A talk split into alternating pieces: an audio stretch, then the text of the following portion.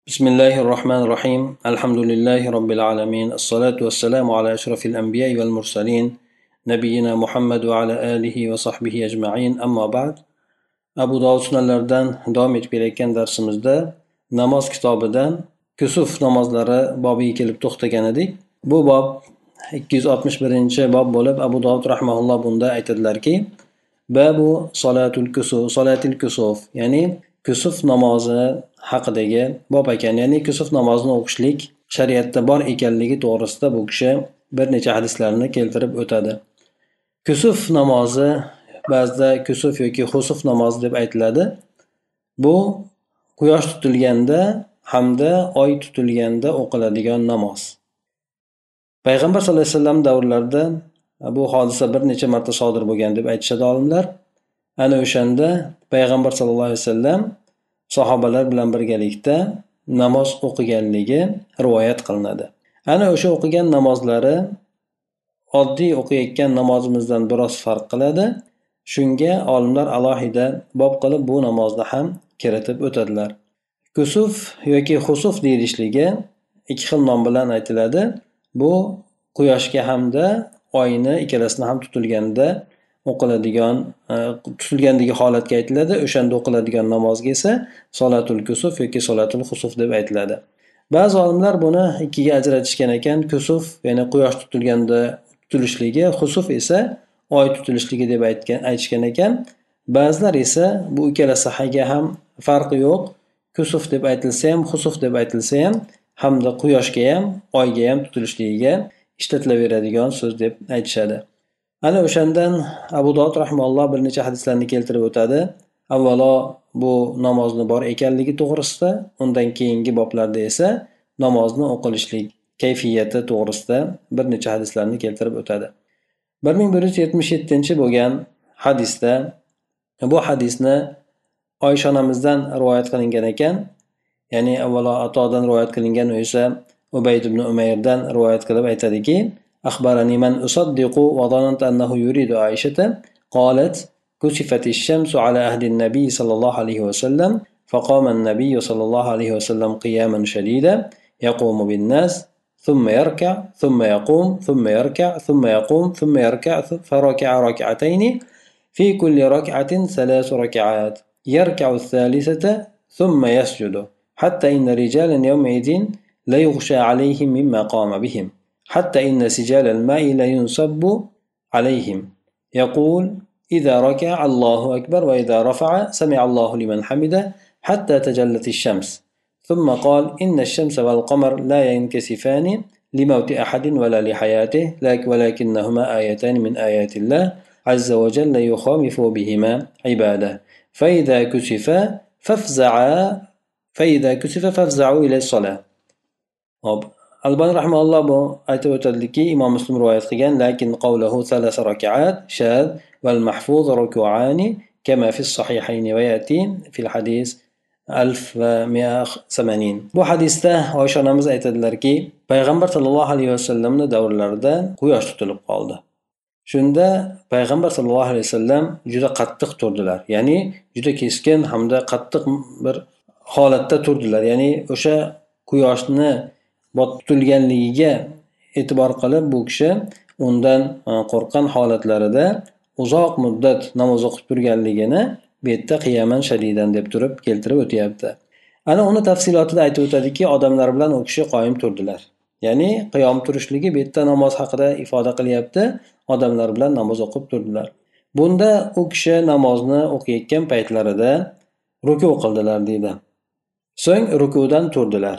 Turib yana boshqa rivoyatlarda ham keladi qiroat qiladi yana ruku qiladi. So'ng rukudan turadi yana qiroat qilib rukuga boradi deb bu rivoyat orqali shuni aytib o'tyapti. Lekin pastdagi bo'lgan izohda keltirib o'tadiki asosan payg'ambar sallallohu alayhi vasallamdan mashhur rivoyatda kelgani bu kishi ikki rakat namozni o'qiganu kusuf namozida ikki rakatli namoz o'qigan lekin bunda ikki marta ruku o'qiganlar, ikki marta sajda qilganlar har bir rakatida. Demak ikki rakatli namozda to'rt marta ruku qilingan hamda to'rt marta sajda qilingan. Mana shu narsani kusuf namozida payg'ambar sallallohu alayhi vasallamdan mashhur rivoyat qilingan. Endi bu o'rinda ikki rakatlik keltirib o'tayotganlik ikki bitta uch rakatlik keltirib o'tayotganlik ruku uch marta qilinganligi boshqa rivoyatlarda bundan ham ko'pni aytib o'tiladi. Lekin asosan aytib o'tganimizdek mashhur bo'lgani ikki marta ruku qilinishligi ekan bir rakatda.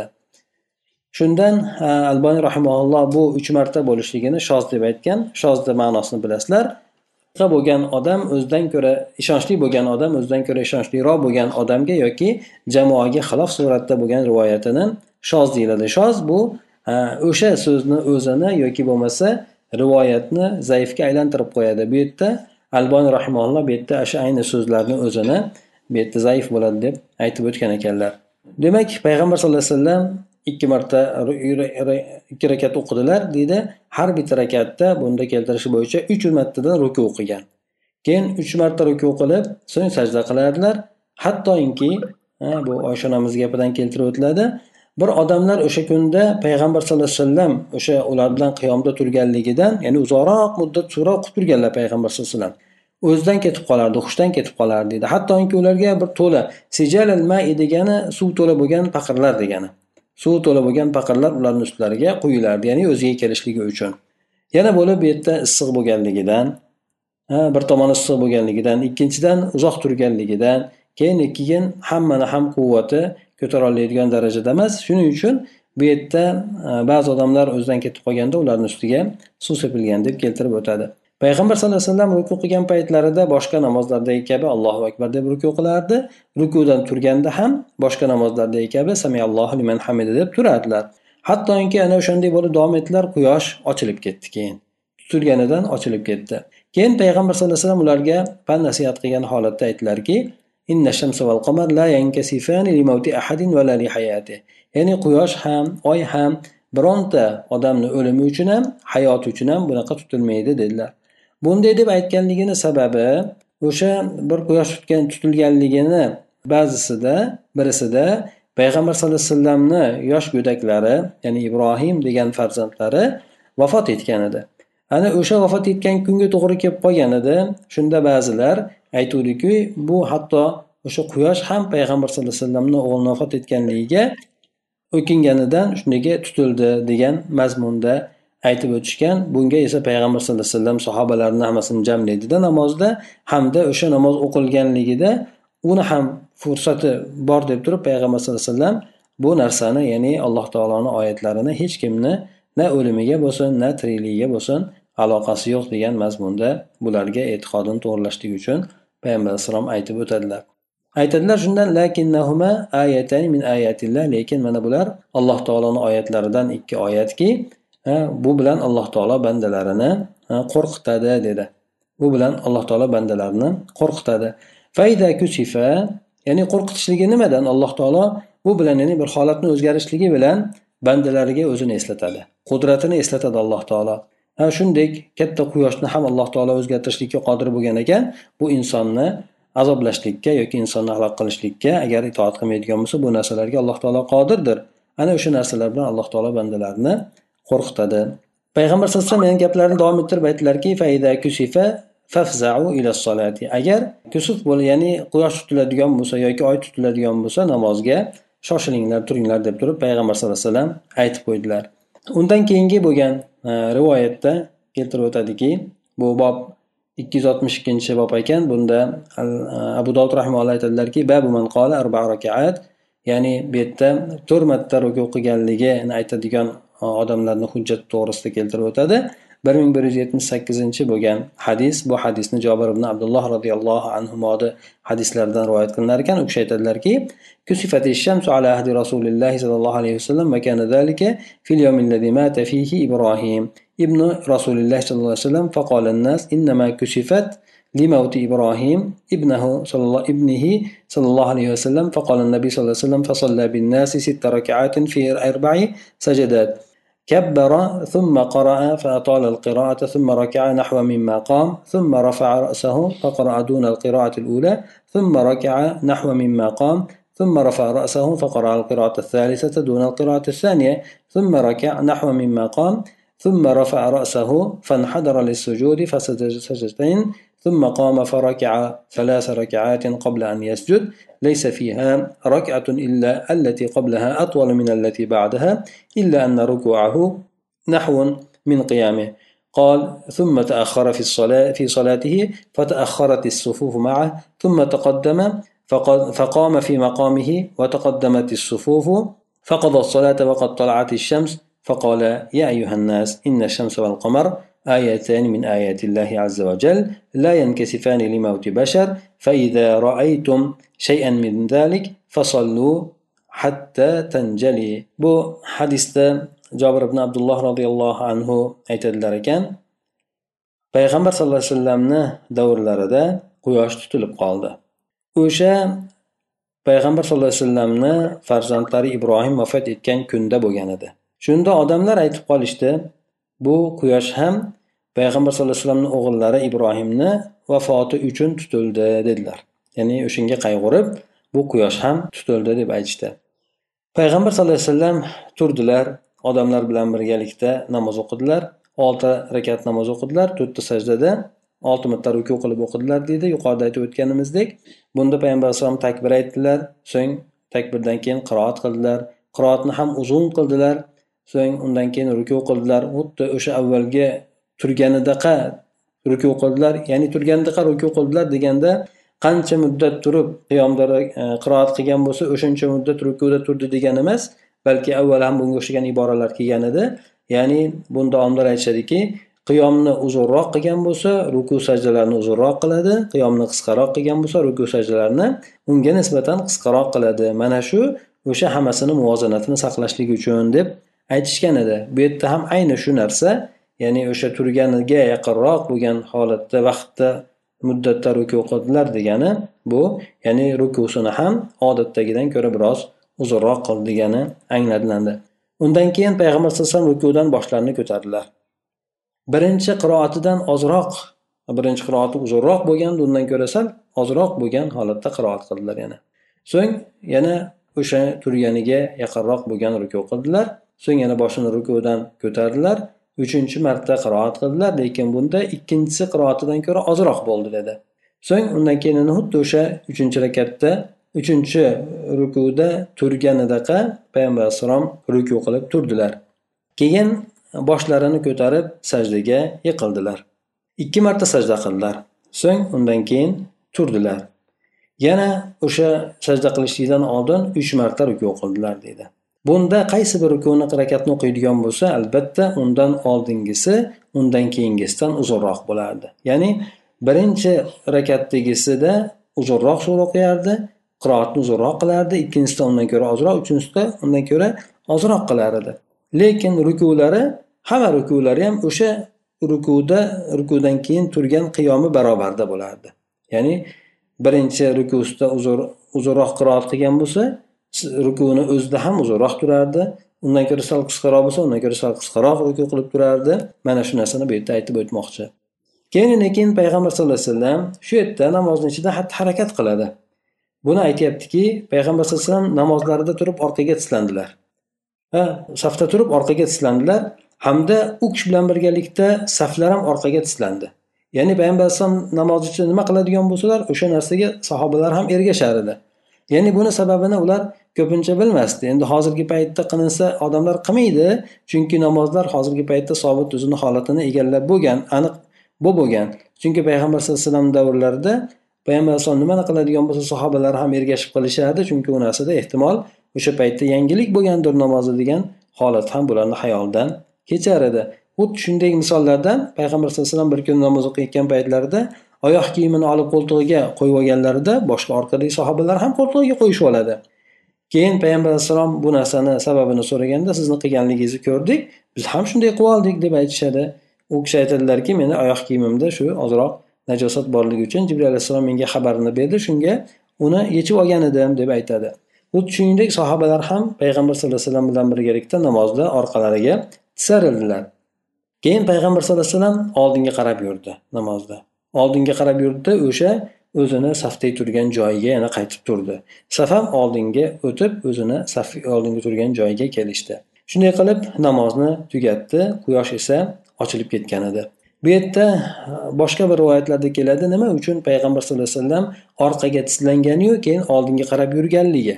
Mana bu to'g'risida u kishi boshqa bir hadislarda keltirib o'tadiki payg'ambar sallallohu alayhi vasallam bu namoz o'qiyotgan paytda alloh taolo u kishiga jannatni ko'rsatganligi hamda do'zaxni ko'rsatganligi. Bu yerda payg'ambar alayhissalom do'zaxni ko'rsatgan paytida do'zaxni juda ham bir biriga qalashib yotganini ko'rganligidan qo'rqib orqaga tisarilganligi hamda keyin lekin u kishiga jannat ko'rsatilgan paytida jannatdagi ne'matlarni ko'rgan paytda ulardan bir narsani uzib olishlikka intilib payg'ambar alayhissalom oldinga qarab yurganligi mana shu narsalarni u kishi sababini sahobalarga bayon qilib o'tadi. Ha bu hadisda o'sha boshqa bir hadis bilan bog'laydigan bo'lsak u kishini oldinga qarab yurishligi yoki orqaga qarab yurishligini sababi o'sha u kishiga namoz o'qiyotgan paytida ko'rsatilgan holatlar bo'lgan ekan. Namozini tugatib bo'lganda quyosh ochilib ketgan bo'ladi keyin keyin sahobalarga aytadiki ey odamlar albatta quyosh oy bu alloh taoloni bir mo'jizalaridan bir mo'jiza o'zini borligiga birligiga qudratli ekanligiga dalolat qiluvchi bo'lgan alloh taoloni ko'rsatgan oyatlaridan. Lekin bular bironta bir insonni o'limi uchun hech qanaqangi bular e, tutilmaydi ham. Agar sizlar mana shunga o'xshagan narsadan biron narsani ko'radigan bo'lsalaringiz namoz o'qinglar. Hattoki u narsa ochilib ketgunigacha ya'ni bu narsadan payg'ambar sallallohu alayhi vasallam qattiq qo'rqardilar. Ehtimol mana shunday bo'lib turib o'sha ummatga e, balo ofat kelib qolishligi. Chunki ba'zi ummatlarga alloh taolo balo ofatni jo'natganida ular ya'ni ot qavmiga qattiq bir shamolni alloh taolo yuborishligidan oldin bir bulut keladi. Qora bulut kelgan paytida aytishadiki hada mumtiruna. Ya'ni bu odatdagi o'tib ketadigan bulut bizga yomg'ir yog'diradi deb o'ylashgandi lekin o'sha bulutda ularga azob kelgan edi.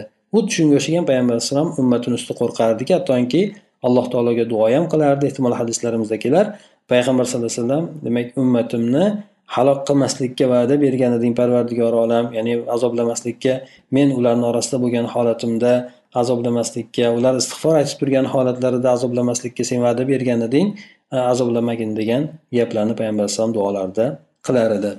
Demak yuqoridagi bo'lgan hadisni demak davomini keltirib o'tadi. Lekin bu yerda ham aytib o'tgan olti marta ruku o'qiganligi ikki ikki rakatda olti marta ruku o'qiganligi shoz. lekin bu saqlanib qolganligi to'rt marta ruku qilinganligi bo'ladi deb aytilyapti bir ming bir yuz yetmish to'qqizinchi bo'lgan hadis bu hadisni ham jobir ibn abdulloh roziyallohu anhudan rivoyat qilinadi boshqa rivoyat orqali bunda aytadilarki u kishi samsu ala ahdi rasulilloh sollallohu alayhi vasallam fi yawmin shadidil har فصلى رسول الله صلى الله عليه وسلم بأصحابه فأطال القيام حتى جعلوا يخرون ثم ركع فأطال ثم رفع فأطال ثم ركع فأطال ثم رفع فأطال ثم سجد سجدتين ثم قام فصنع نحو مما ذلك فكان أربع ركعات أو وأربع سجدات وساق الحديث بني إمام مسلم هم رواية قيانا كان bu hadisda jabir ibn abdulloh roziyallohu anhu aytadilarki rasululloh sollallohu alayhi vasallamni davrlarida quyosh tutilib qoldi judayam issiq qattiq bo'lgan kunda ba'zi sahobalarni o'zidan ketib qolganligini sababi ham o'sha issiqni qattiq ta'sir qilganligi keyin lekin ko'p turib qolganligi. Albatta u paytlarida masjidlarda e, konditsioner bo'lmagan yoki bo'lmasa aytaylik hamma tomoni to'siqlik bo'lmagan ularni bosh tepalariga albatta xurmoni baklarini qo'yishgan lekin u ham baribir quyoshni nurini to'liq suratda to'solmasdi undan tashqari juda qattiq issiq bo'lganligi bu ularga shu namozda turganligida ta'sir qilgan ekan. Rasululloh sollallohu alayhi vasallam sahobalari bilan birga namoz o'qidilar deydi. Qiyomni uzun qildilar. Hattoki e, ba'zilar yiqila boshladi deydi. E, ba'zilar o'sha issiqdan hushdan ketib yiqilib qola boshladi. So'ng ruku qildi payg'ambar alayhissalom rukuni ham uzoq qildi. Rukudan boshini ko'tardi. E, uzoq qiroat qildi. Yana ruku qildilar. Rukuda ham uzoq qildilar deydi. Boshini rukudan ko'tarib uzoq turdilarda keyin sajdaga ketdilar. Ikki marta sajda qildilar. So'ng turib o'rnidan o'sha yuqorida qilganlarga o'xshaganini yana qaytadan qildilar. Hammasi bo'lib to'rt marta ruku qildilar hamda to'rt marta sajda qildilar deb keltirib o'tadi. Yana undan keyin yana payg'ambar alayhisalom aytgan gaplari boshqa yuqorida o'tgan hadisdagi so'zlarini keltirib o'tgan ekan. Mana bu hadisda demak o'sha biz aytib o'tgan mashhur rivoyat mashhur payg'ambar alayhissalomdan bo'lgan sunnat rivoyat qilingan ekan. Ya'ni ikki rakat o'qiladida lekin ikki rakatda to'rt marta ruku qilinadi to'rt marta sajda qilinadi buni mana suratlarni aytib o'tilyapti inson quloqqa mana pastdagi qiroatlarni ham aytib o'tadi o'shanda aytib o'tdilar undan keyingi bo'lgan bir ming bir yuz saksoninchi bo'lgan hadis oysha roziyallohu anhudan rivoyat qilinar ekan u kishi aytadilar خسفت الشمس في حياة رسول الله صلى الله عليه وسلم فخرج رسول الله صلى الله عليه وسلم إلى مسجد فقام فكبر وصف الناس وراءه فاقترع رسول الله صلى الله عليه وسلم قراءة طويلة ثم كبر فركع ركوعا طويلا ثم رفع رأسه فقال سمع الله لمن حمده ربنا ولك الحمد. ثم قام فاقترع قراءة طويلة هي أدنى من القراءة الأولى ثم كبر فركع ركوعا طويلا هو أدنى من الركوع الأول ثم قال سمع الله لمن حمد ربنا ولك الحمد ثم فعل في الركعة الأخرى مثل ذلك فاستكمل أربع ركعات وأربع سجدات وانجلت الشمس قبل أن ينصرف buni imom buxoriy va imom muslim ham rivoyat qilgan ekan oysha onamiz bu hadislarda aytadilarki rasululloh sollallohu alayhi vasallamni hayotlik davrlarida quyosh tutilib qoldi rasululloh alayhivasallam bunda masjidga chiqdilar turib takbir aytdilar odamlar esa u kishini orqasidan saf bo'lib turgan edi Rasululloh sollallohu alayhi vasallam uzun qiroat qildilar so'ng yana takbir aytib ruku qildilar uzun ruku qildilar. Rukudan boshini ko'tardilarda samiyallohu liman hamida deb aytdilar. Robbana valakal hamdi ham qo'shib qo'ydilar. So'ng turdilarda o'sha qiyomlarida uzun qiroat qildilar. Lekin bunisi birinchi qiroatidan ko'ra ozroq bo'lgan edi. So'ng yana takbir aytib ruku qildilar uzoq ruku qildilar lekin rukusi ham birinchi rukusidan ko'ra ozroq bo'ldi. Qisqaroq bo'ldi. Turgan paytlarida samiallohu liman hamida robbana valakal hamd deb turdilar keyin ikkinchi rakatda ham xuddi shunga o'xshagan narsani qildilar. U hammasi bo'lib to'rtta ruku to'rtta sajda qildilar. Quyosh esa u kishi namozdan chiqishligidan oldin ochilib ketgan edi deb keltirib o'tadi. Undan keyingi bo'lgan hadisda bir ming bir yuz sakson birinchi bo'lgan hadisda abdulloh ibn abbos roziyallohu anhuda rivoyatlaridan keltirib o'tar ekan. Bu kishi aytadilarki anna rasululloh sollallohu alayhi vasallam solla fi kusufi shamsi misla hadis urva an aishata an rasululloh sollallohu alayhi vasallam annahu solla rakatayni fi kulli rakatin rakatayn. Bu kishi aytadilarki rasululloh alayhivasallam quyosh tutilgan paytda namoz o'qidilar deb yuqoridagi urvani oysha onamizdan bo'lgan rivoyatida keltirib o'tadida ya'ni rasululloh bu o'rinda ikki rakat namoz o'qidilar. Har bitta rakatda ikki martadan ruku qildilar deydi. Bir ming bir yuz sakson ikkinchi bo'lgan hadis bu hadisni albani rahmaulloh doif deb ishora qilgan ekan bu hadis abu dovud rahmaulloh ubay ibn kab roziyallohu anhudan rivoyat qilar ekan bu kishi aytadilarki انكسفت الشمس على عهد رسول الله صلى الله عليه وسلم وإن النبي صلى الله عليه وسلم صلى بهم فقرأ بسورة من الطول فركع وركع خمس ركعات وسجد سجدتين ثم قام الثانية فقرأ سورة من الطول وركع خمس ركعات وسجد سجدتين ثم جلس كما هو مستقبل القبلة يدعو حتى انجلى كسوفها bu hadisda aytib o'tadiki ubay ibn kab roziyallohu anhu rasululloh sollallohu alayhi vasallam davrlarida quyosh tutilib qolgan edi payg'ambar sallallohu alayhi vasallam odamlar bilan birgalikda namoz o'qidilar bunda tuval degani uzun suralarni aytadi sabu tuval deb mashhur bo'lgan bu baqara surasi o'sha undan keyingi oli imron niso al anom undan keyin anfol tavba mana suralarda aytib o'tiladi. Ya'ni mana suralardan uzun suralardan payg'ambar sallallohu alayhi vasallam tilovat qildilar deb aytib o'tadi. Keyin besh marta ruku qildilar deb bunda keltirib o'tyapti lekin aytib o'tganimizdek mudoif rivoyat ekan. Ikki marta sajda qildilar ikkinchi rakatga turdilarda o'sha uzun suralardan birisini o'qidi.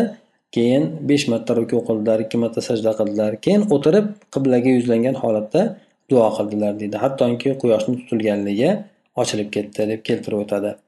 Albatta bu hadis doif. Shuning uchun bunda kelgan e, shu besh marta ruku qilinganligiga olimlar e'tiborni qaratishmagan. Bir ming bir yuz sakson uchinchi bo'lgan hadis bu hadisni munkar deb keltirgan ekan. Munkarni bilasizlar bu doif bo'lgan odam ishonchli bo'lgan odamga xilof suratdagi rivoyatini munkar deb aytiladi. Bu doif hadisni turiga kiradi. Shozni sal boshqacharoq suradi. Shoz ishonchli odam rivoyat qiladiyu lekin ishonchli o'zidan ko'ra ishonchli ko'proq bo'lgan odamga yoki jamoatga xilof suratdagi rivoyat edi. Munkarda esa o'zi doif bo'lgan odam siqa bo'lgan odamlarga muxolif suratda rivoyat qiladi. E, bu hadisda ibn abbos roziyallohu anhudan rivoyat qilinadi. Payg'ambar alayhissalom e, shamsi quyoshni tutilgan paytida payg'ambar alayhissalom namoz o'qidilar bunda u kishi qiroat qildilar so'ng ruku qildilar qiroat qildilar so'ng ruku qildilar so'ng qiroat qildilar ruku qildilar qiroat qildilar so'ng ruku qildilar so'ng sajda qildilar. Boshqasida ham xuddi shunga o'xshaganini qildilar deb keltirib o'tadi. Bunda ham besh marta ruku qilinganligi rivoyat qilinar ekan lekin bu hadisni aytib o'tdik. Munkar doif hadis ekan deb. bir ming bir yuz sakson to'rtinchi bo'lgan hadis bu hadisni samurat ibn jundub roziyallohu anhuni rivoyati ekan.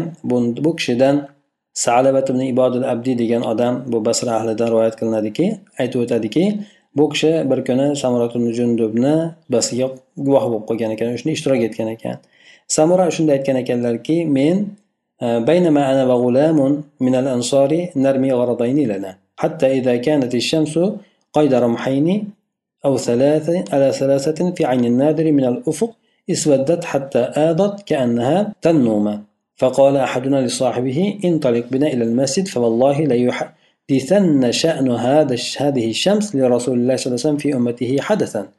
قال فدفعنا فإذا هو بارز فاستقدم وصلى فقام بنا كأطول ما قام بنا في صلاة قط لا نسمع له صوتا. قال ثم ركع بنا كأطول ما ركع بنا في صلاة قط لا نسمع له صوتا. قال ثم سجد بنا كأطول ما سجد بنا في صلاة قط لا نسمع له صوتا ثم فعل في ركعة أخرى مثل ذلك قال فواقف فوافق تجلي الشمس جلوسه في الركعة الثانية قال ثم سلم ثم قام فحمد الله bu hadisda aytib o'tadiki samurat ibn jundub roziyallohu anhu men hamda ansonlardan bir men kabi bir bola biz o'zimizni maqsadlarimizni orqasidan yurgan edik o'zimizni e, ishimizni orqasidan yurgan edik deydi Hatto o'sha paytda quyosh qaro ufqdan ko'z tashlagan odamni ko'ziga ikki nayza yoki uch nayza ko'tarilgan edi.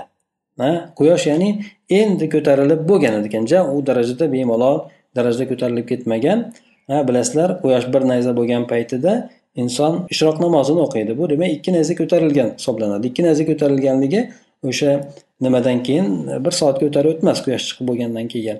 Ana o'sha paytida quyosh qoraydi. Hattoki xuddi uni quyoshni nuri tannuma tannura deb tannuma deb mevasi qop qora bo'ladigan o'simlikni aytar ekan. Xuddi ana o'sha kabi yorug'lik chiqarib qoldi. Quyosh yorug'lik beryapti lekin buni quyoshni nuri qop qora bo'lib qolgan edi deb keltirib o'tadi. Shunda birimiz sherigimizga aytdik. Ketdik masjidga boramiz. Allohga qasamki bu quyoshni bu holati rasululloh sollallohu alayhi vasallam uchun albatta ummatida bir narsani paydo etadi. Ya'ni payg'ambar alayhisalom bunga qarab turib bir narsa qiladi. Masjidga boraylik ko'raylik deb turib bir biriga aytib ketishdi. Shunda fadafana biz jo'nadik. Qarasak payg'ambar alayhissalom tik turgan edi.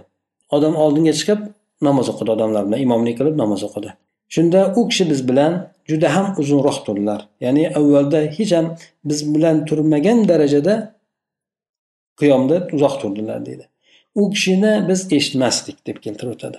Bu yerda payg'ambar sallallohu alayhi vasallam jahran qiroat qilganmi yoki maxfiy qiroat qilinadimi? Bunda e, olimlarda mana shu gapiga bu kishini shu gapiga ko'ra olimlarni ixtilofi bor ekan mazhablarni ba'zi mazhablar aytadiki bunda kechasida bo'lsin kunduzida bo'lsin agar quyosh yoki oy tutilib qoladigan bo'lsa qiroatni jahran qilinadi deb. Ba'zi olimlar aytar ekanki mana hanafiy mazhabiga o'xshagan olimlarda u qiroatni jahran emas balki agar kunduzi bo'ladigan bo'lsa maxfiy qiladi kechasi bo'lsa jahriy qilinadi deydi. Bu yerda mana sahobiy aytyapti biz u kishini ovozini eshitmasdik deb keltirib o'tadi shundan ba'zi olimlar qiroatni jahriy qilmagan maxfiy qilgan deb aytishadi. Lekin bularni boshqa bir rivoyatida keltirib o'tadiki biz bordik masjid to'lgan edi deb keladi. Shundan bularni orqa tomonda bo'lganligini e, sabablik o'sha qiroatni eshitmaganligini ham olimlar aytishadi. Ehtimol bu kishilarni bunday deb aytishligiga sabab orqada turganligi hamda qiroatni eshitmaganligi bo'lsa kerak. Chunki payg'ambar alayhissalom boshqa rivoyatlarda keladi qiroatni jahran o'qiganligi. Yana ba'zi olimlar aytishadiki ehtimol payg'ambar alayhisalom davrida bu bir necha marta sodir bo'lganligidan ba'zida qiroatni jahran qilganligi yoki ba'zida qiroatni maxfiy o'qiganligi. Demak bu borada ish holat kengroq. Shuning uchun jahran o'qisa ham bo'ladi bu yaxshiroq yoki maxfiy suratda o'qisa ham bo'ladi. Undan tashqari ha bu yerda payg'ambar oysha onamiz rivoyatlarida ham keltirib o'tyapti bunda ham aytilyaptiki jamoat bilan o'qishlik o'sha kusuf namozini bu sunnati muakkada hisoblanadi. Ba'zan esa olimlar aytishadiki hanafiy mazhabini olimlari yakka yakka suratda o'qiladi deydi. Buni ham olimlar aytishadi inson jamoat bilan o'qisa ham bo'ladi yoki yakka suratda o'qisa ham bo'laveradi deydi. Ya'ni bu masalada ish kengroq ekan. Shundan aytishadiki payg'ambar alayhissalom biz bilan judayam uzun qiroat qilib turdilar deydi. Bunaqa qiroatni uzun qilib turmaganlar. So'ng biz u kishini yana aytyaptiki ovozni birontasini eshitmasdik deydi. Keyin yana keyin u kishi namozda yana uzoq sajda qilib turdilar. Bu sajda qilmagan sajda qilgan uzoqligida hech ham u kishi bilan birga sajda qilmagandek ya'ni u kishi bundan ham ko'ra uzunroq suratda sajda qilibdilar ya'ni juda ham uzun sajda qilib turganligi. Keyin u kishini biz qiroatini eshitmasdik. So'ng ikkinchi e, nimasida ovozni eshitmasdik deydi. Ehtimol bu yerda yuqorida aytib o'tganimizdek allohu akbar deganligini ham bular ya'ni payg'ambar alayhisalomni uzoqda turganligidan ovozini eshitmasdik na u kishini qiroatini na u kishini takbirlarini ovozini eshitmasdik degani ham tushuniladi. Ikkinchi rakatda ham shunga o'xshaganini qildi. Keyin payg'ambar sallallohu alayhi vasallamni o'sha ya'ni ikkinchi rakatda o'tirganligida quyoshni ochilib ketishligi muvofiq kelib qoldi. Ya'ni u kishi ikkinchi rakatni jilsasida o'tirgan paytlarida quyosh ochilib ketib qoldi deydi. Payg'ambar alayhisalom keyin salom berdilar o'rnidan turib alloh taologa hamd aytdilar deb keltiradi. Hamdu sano aytib keyin la ilaha illalloh deb guvohlik keltirdi. Va yana shahida annahu abduhu va rasuli alloh taoloni bandasi va rasuli ekanligiga guvohlik keltirdi. Keyin lekin yuqorida kelgan payg'ambar alayhisalomni xutbasini ahmad ibn yunus keltirib o'tadi. Ya'ni odamlarga quyoshni tutilishligi bu bir odamni o'limiga aloqador emas degan gaplarni aytib o'tadi. Bir ming bir yuz sakson beshinchi bo'lgan hadis bu hadisni doif deb keltirilgan ekan bu qubaysatul hiloliy aytadiki kusifati shamsu ala ahdi rasulilloh sollallohu alayhi vasallam فخرج فزعا يجر ثوبه وأنا معه يومئذ بالمدينة فصلى ركعتين فأطال فيهما القيام ثم انصرف وانجلد فقال إنما هذه الآيات يخوف الله عز وجل بها فإذا رأيتموها فصلوا كأحدث صلاة صليتموها من المكتوبة. bu hadis aytib o'tganimizdek doif shuning uchun e, bu hadisdan hukm olinmaydi balki ma'lumot uchun o'qiladiki payg'ambar sallallohu alayhi vasallamni davrlarida quyosh tutilib qoldi. U kishi cho'chigan holatda chiqdilar. Bunda u kishi kiyimlarini tortib chiqqandi ya'ni suzrab chiqqan edilar ya'ni shoshganligidan. Men ham u kishi bilan birga edim o'sha kunda madinada edim. Ikki rakat namoz o'qidilar ikkalasida ham qiyomni uzun qildilar. So'ng namozni tugatdilar quyosh ochilib ketgan edi. Shunda aytdilarki bu oyatlar bu alomatlar belgilar alloh taolo bu bilan bandalarni qo'rqitadi azob yuborishligidan ogohlantiradi. Agar sizlar bunga o'xshaganni ko'radigan bo'lsalaringiz namoz o'qinglar dedi. Bu sizlar o'sha maktuba farz namozidan o'qigan namozlarni eng oxirgisi kabi ya'ni eng yangisi kabi namoz o'qinglar dedi. Ya'ni bomdoddan keyin bo'lsa bomdodnikiga o'xshab yoki bo'lmasa peshindan keyin bo'lsa peshinni farziga o'xshab allohu alam shu tushuniladi bu yerdan. Farz namozni sizlar o'qigan eng yangi namoz kabi eng oxirgi namoz kabi namoz o'qinglar dedi. Ya'ni shundan ba'zi olimlar aytadi aytib o'tganimizdek e, odatiy suratda o'qiladi ya'ni ikki rakat qilib rukulari bittadan emas balki odatiy ruku namozda o'qiladi deb aytuvchi olimlar ham bor. Ehtimol ular mana shunga o'xshagan hadislardan olgan bo'lsa kerak dalillarini. Undan keyingi bo'lgan bu kishini boshqa yo'l orqali rivoyat qilganida aytadilarki shamsa kusifat bima'na hadisi musa qol hatta badatin nujum. Ya'ni quyosh tutildi. Ha bu yerda boshqa bir hattoki qorong'ilik qoplaganligidan yulduzlar ham ko'rinib qoldi deb keltirib o'tgan ekan. Bu ham bu hadis ham doif ekan. Demak shu yergacha e, bo'lar bugungi darsimiz. E, yuqoridagi demak aytib o'tganimizdek quyoshni tutilishligi oyni tutilishligi bu odatdagidek hodisa emas ekan. Balki bu e, ko'pincha sodir bo'lib turadigan bo'lsa ham alloh taolo bu bilan bandalarini ogohlantirib turar ekan. Bunday bo'lgan paytida insonlar har xil bidat ishlarni qilishligi emas balki mana quyidagi bo'lgan hadislarda ham keladi. Alloh taologa ko'p duo qilishligi e, namoz o'qishligi mana bu yuqorida surat keltirilgan holatda hamda yana sadaqa qilishlikka buyuriladi bunda tavba qilishlikka buyuriladi. Toinki alloh taolo ummatni ustiga bunday baloni olib kelmasin balki bunday bo'lib keladigan baloni alloh taolo ko'tarib tashlasin. سبحانك اللهم وبحمدك نشهد أن لا إله إلا أنت نستغفرك ونتوب إليك. اللهم انفعنا بما علمتنا وعلمنا ما ينفعنا وزدنا علما.